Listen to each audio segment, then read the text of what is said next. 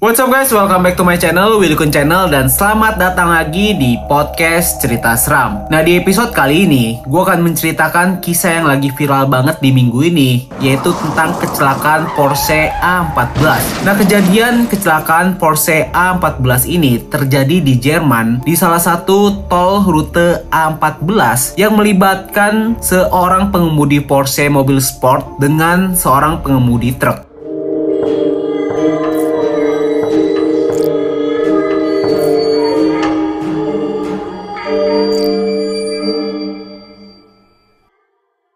Nah, kronologi kecelakaan ini dikisahkan di mana pengendara Porsche ini adalah pengendara yang ugal-ugalan sehingga dia itu memaju mobil yang dia gunakan yaitu mobil Porsche dengan tipe sport yang atapnya itu bisa dibuka dan ditutup. Jadi tipikalnya atap yang bisa dibuka dan ditutup itu tidak seperti atap uh, besi ya. Itu dia ada atap kainnya yang bisa bergerak gitu loh. Nah, kejadian ini terjadi pada tanggal 18 November Jumat tepatnya tengah malam 12.45 di Jalan Tol A14 antara Halle dan Leipzig, Jerman Tengah. Menurut informasi yang diketahui, kronologi kecelakaan ini di mana mobil Porsche-nya itu ingin menyalip truk yang ada di depannya.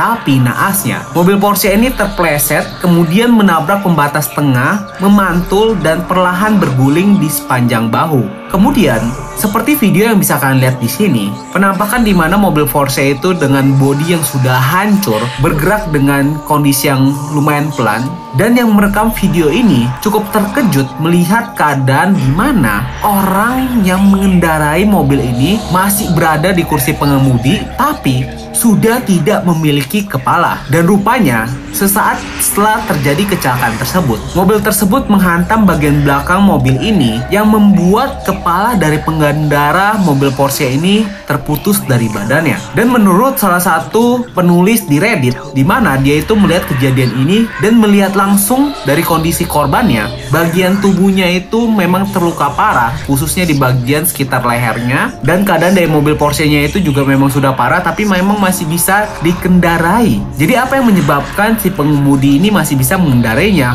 Rupanya adalah kakinya yang masih menginjak bagian pedal gas tapi perlahan dan menyebabkan mobilnya itu masih bisa terus bergerak. Sedangkan kepalanya sudah terpental entah ke mana.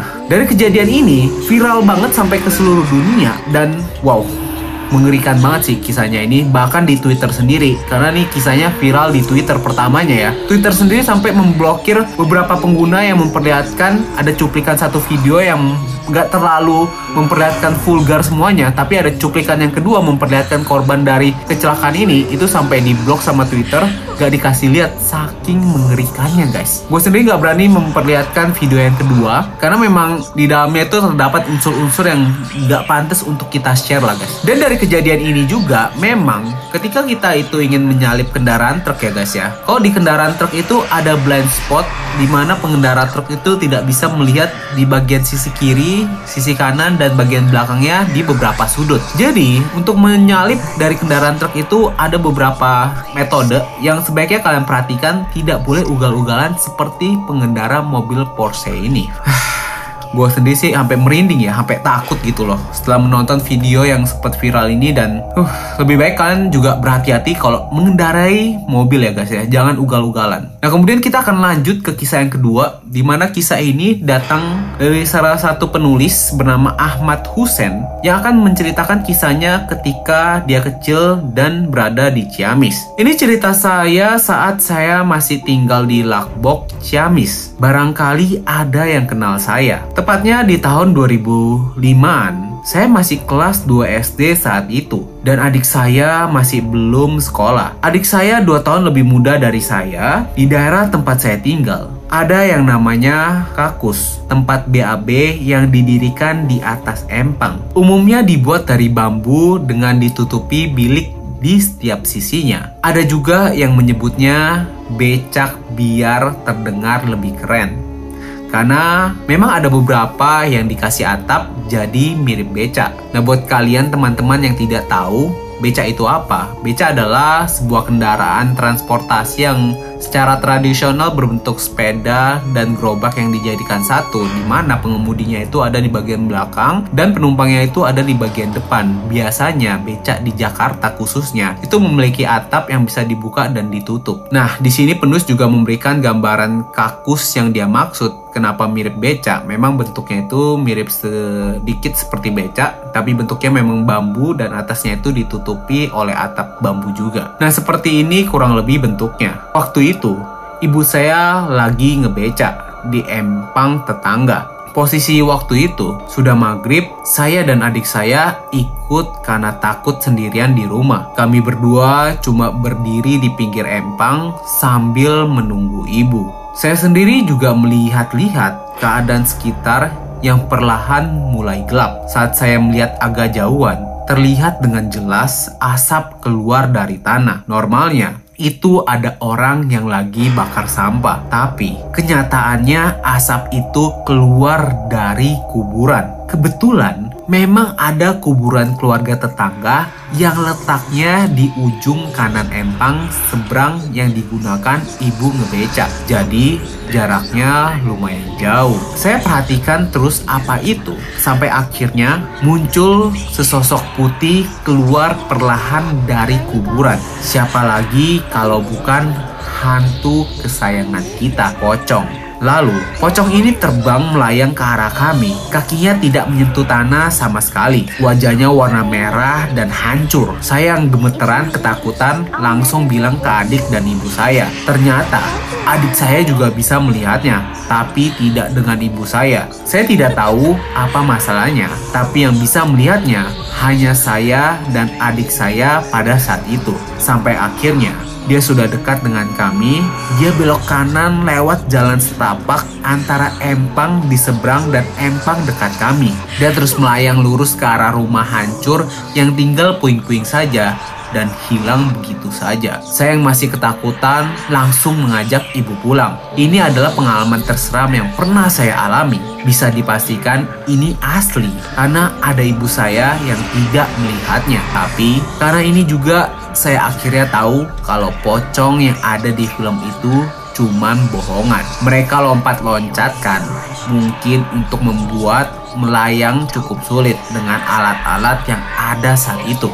Makanya dibuat seperti yang selama ini kita kenal sampai akhirnya keterusan sampai sekarang. Nah, itu dia kisah yang dibawakan oleh pencerita kita.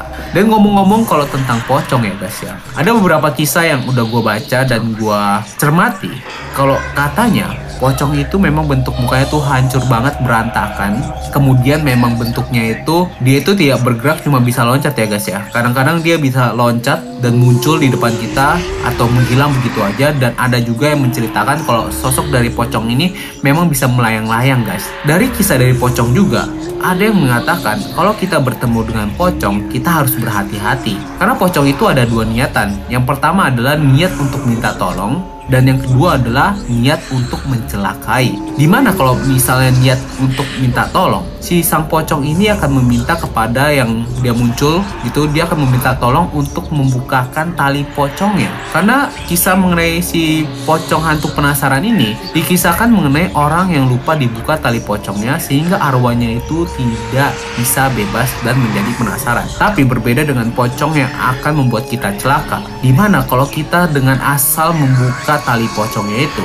pocong bisa juga memuntahkan cairan yang mengarah ke arah muka kita dan badan kita. Yang tujuannya itu adalah membuat bagian tubuh kita yang terkena dari cairan ini akan melepuh dan tidak bisa diobatin. Dan paling berbahaya kalau terkena kedua bola mata kita. Karena pastinya kedua bola mata kita tidak akan bisa digunakan lagi dan kita akan menjadi buta. Jadi kalau kita bertemu dengan penampakan pocong, lebih baik kita itu menjauh dan tidak berkomunikasi dengan pocong ini karena kita tidak pernah tahu apa niatan dari pocong sesungguhnya. Nah itu dia kisah yang gue bawakan pada hari ini. Gimana menurut kalian? Kalian ada gak sih kisah-kisah seperti ini atau kalian pernah melihat penampakan-penampakan seperti itu? Atau kalian juga mau memberikan kritik kepada gua Karena di minggu ini gue baru aja menerima DM di Instagram gue dan dari salah satu pendengar podcast cerita seram. Dan dia ini memberikan kritik yang membangun kepada podcast ini yang bilang kepada gue kalau gue menceritakan itu terlalu cepat guys. Mungkin gue ini nggak sadar dan terlalu seneng untuk menceritakan kisah seram ini kepada kalian.